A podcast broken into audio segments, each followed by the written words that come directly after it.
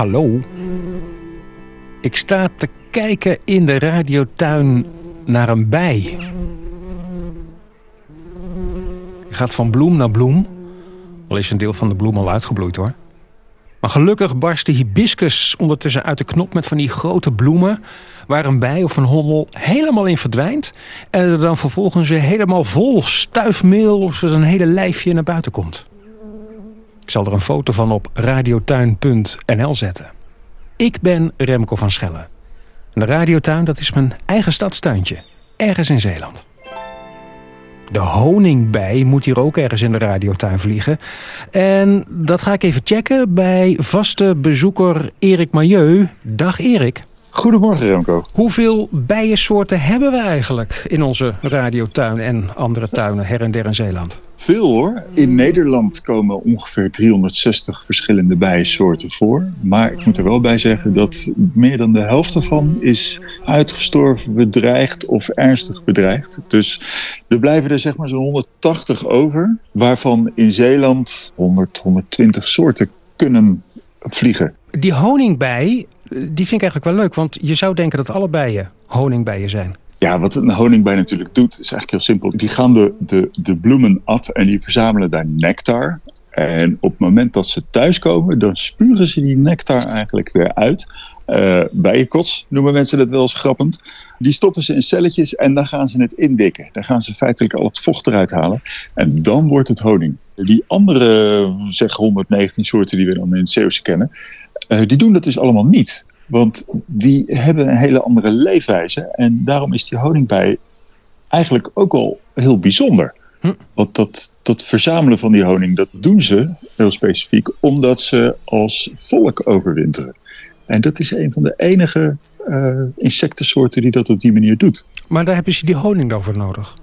Zo is het. Uh, dat is wat die honingbijen dus ook doen. Die denken, nu is de overvloed. Ik bewaar dat in een voorraadkast. Zodat als ik in de winter met z'n tienduizenden op een klutje zit te wachten totdat er weer bloemen gaan bloeien, dan heb ik een voorraadje honing. Maar dit is voor mij wel een eye-opener. De honingbij is de enige bij die honing verzamelt en de rest doet dat allemaal niet. Nee, Nee, nee, de rest is eigenlijk heel erg uh, op in het moment levend. Want die uh, lusten natuurlijk heel graag nectar. Die bewaren dat voor eigenlijk bijna direct gebruik. Of ze maken er een propje nectar stuifmeel van.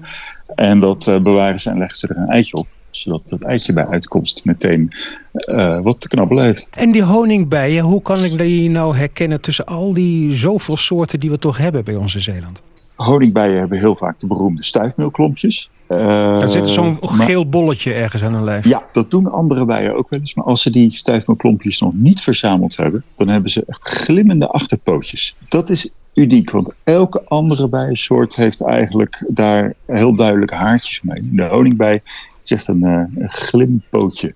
Waar gaan die bijen dan heen? Want ik zie inderdaad die honingbij wel eens in de radiotuin. Maar voor zover ik weet heb ik geen plek waar al die bijen zichzelf verzamelen. Dat kan natuurlijk gewoon bij een imker in de kast zijn. Want de meeste honingbijen worden nog steeds door imkers gehouden.